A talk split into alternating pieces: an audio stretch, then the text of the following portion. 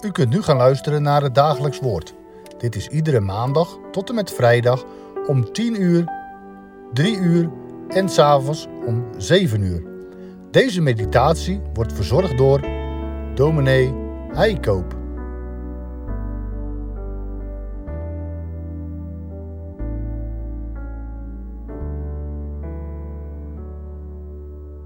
We lezen vandaag verder in het Evangelie naar Marcus, nu hoofdstuk 4. De gelijkenis van de zaaier. Jezus begon weer onderwijs te geven bij de zee. En er verzamelde zich een grote menigte bij hem. Zodat hij in een schip ging zitten op zee en heel de menigte was op het land aan de zee. En hij onderwees hun veel dingen door gelijkenissen. En zei in zijn onderricht tegen hen: Luister, zie, een zaaier ging erop uit om te zaaien. En het gebeurde bij het zaaien dat het ene deel van het zaad langs de weg viel. De vogels in de lucht kwamen en aten het op. Een ander deel viel op steenachtige grond, waar het niet veel aarde had. En het kwam meteen op, doordat het geen diepte van aarde had. Maar toen de zon opgegaan was, verschroeide het. En doordat het geen wortel had, verdorde het. Een ander deel viel in de dorens. De dorens kwamen op en verstikten het, en het gaf geen vrucht. Nog een ander deel viel in de goede aarde en gaf vrucht. Het kwam op en groeide. En het ene droeg dertig, het andere zestig en het andere honderdvoudig vrucht. Hij zei tegen hen: Wie oren heeft om te horen, laat hij horen. Tot zover, broeders en zusters. Met de gelijkenis van de zaaier roept Jezus ons op om jezelf te onderzoeken. Hoe werkt het evangelie, het zaad, door in jouw leven? In wat voor een aarde valt het zaad bij jou?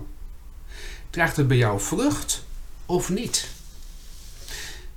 Sommige uitleggers zeggen de vier groepen die Jezus noemt, die gaan over vier soorten mensen. En dat hangt natuurlijk vanaf welk type bent u en ben jij? Tot welke categorie behoor je? Ben jij iemand waarbij het geloof oppervlakkig is? Waarbij het weinig diepgang heeft? Ben jij iemand die steeds weer aanvechtingen heeft? Die steeds weer worstelt met allerlei verzoekingen? Of bent u, ben jij iemand die een vast geloof heeft ontvangen? Allemaal verschillende categorieën mensen. In bevindelijk vakjargon wordt dan gesproken over de slaperigen, de heilbegeerigen, de bekommerden en de bekeerden. Maar dat vraag ik me af. Volgens mij gaat het hier niet over bepaalde type mensen, over vier groepen van mensen. En de een behoort nu eenmaal tot die categorie, de ander tot de andere. In het geloof loopt het veel meer door elkaar heen. Ik denk dat iedere gelovige alle vier de soorten akkerland in zich heeft. Het zijn lagen die door elkaar heen lopen en in verschillende perioden in je leven ligt er steeds weer een andere laag boven. Je, je geloof is niet statisch. Het is juist voortdurend in beweging. Ja, toch? Nu weer lijkt je op de ene groep, dan weer op de andere. Steeds opnieuw moet je nagaan welke laag ligt boven. Steeds opnieuw onderzoeken of dat wel vruchtbaar grond is. Welke laag ligt er bij ons boven? Laten we eens op zoek gaan. Een zaaier ging uit om te zaaien en bij het zaaien viel een deel langs de weg. Het werd vertrapt. De vogels van de hemel aten het op. Hier valt het zaad op het deel van de akker wat niet omgeploegd wordt, niet wordt bewerkt. Het wordt vertrapt, het raakt verhard. Je hebt wel gehoord over Jezus, maar eigenlijk doet het je niet veel meer. Je leest nog wel eens in de Bijbel, je bidt nog wel, maar het zijn alleen nog maar vormen. S'avonds na de maaltijd zeg je nog een gebed op, maar je gedachten zijn al bij de dag van morgen. En je neemt niet meer echt tijd om te bidden. Je neemt ook niet meer echt tijd om de Bijbel te lezen. Je leest de Bijbel alsof je een gewoon boek leest. En na een tijdje denk je: ik merk eigenlijk helemaal niets van God. God zal wel bestaan, maar hij laat al lang niets meer van zich horen. Eigenlijk kun je toch ook prima leven zonder geloof? Dan is alleen nog maar een kwestie van tijd tijd of het zaad wordt weggehaald door een van de vele vogels om ons heen. Een ander deel, vertelt Heer Jezus, valt op de rotsbodem. Maar toen het opkwam, verdorde het, omdat het geen vochtigheid had.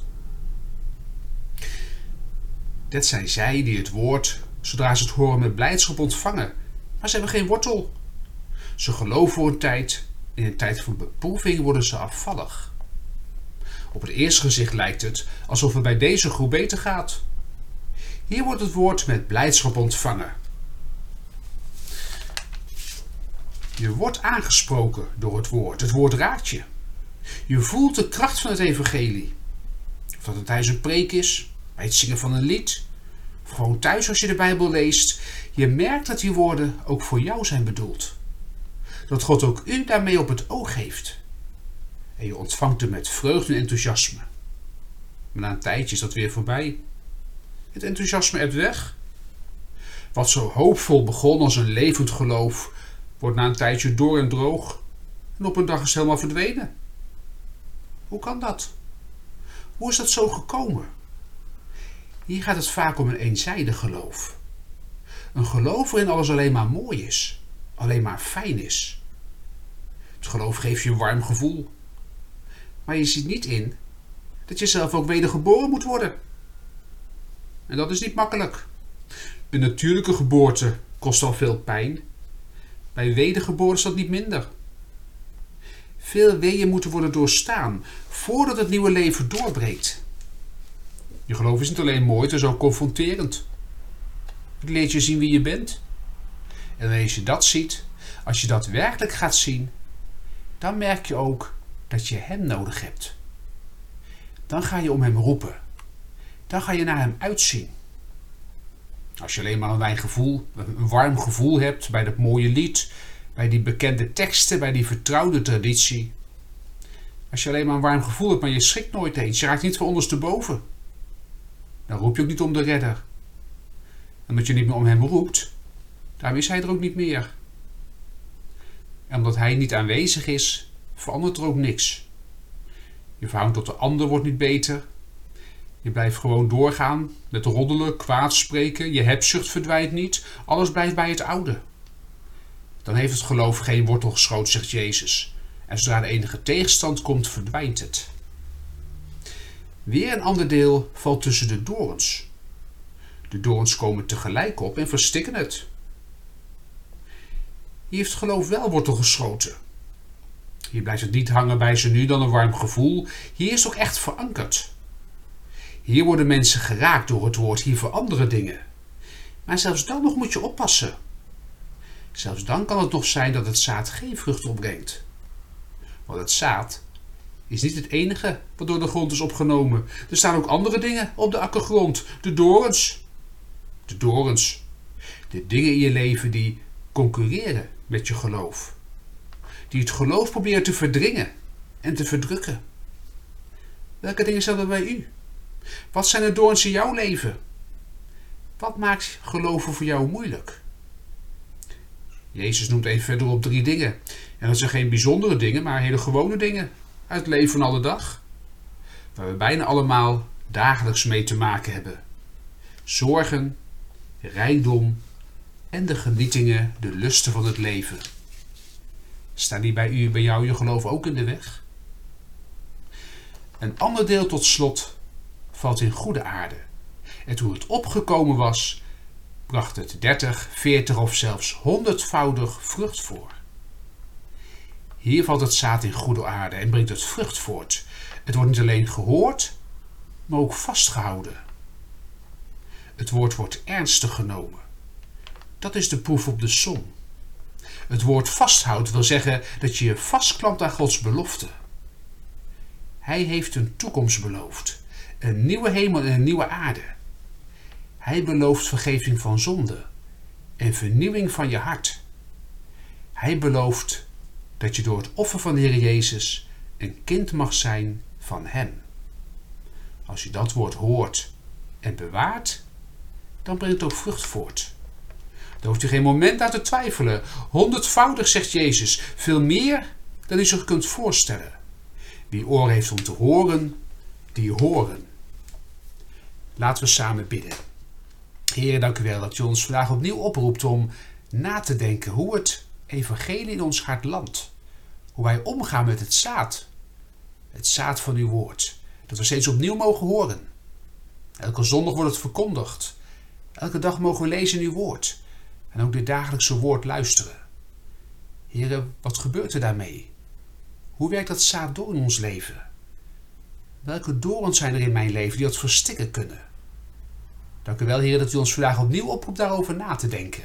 Geef dat vandaag ook doen. Misschien meteen aansluitend op dit dagelijks woord of op een later moment. Maar laten we daar even tijd voor nemen om na te denken. Hoe landt het in ons hart? Maar dat is een hele belangrijke vraag. Heer, leid ons daarbij door uw Heilige Geest. Dat alles danken en bidden wij u. In Jezus' naam. Amen.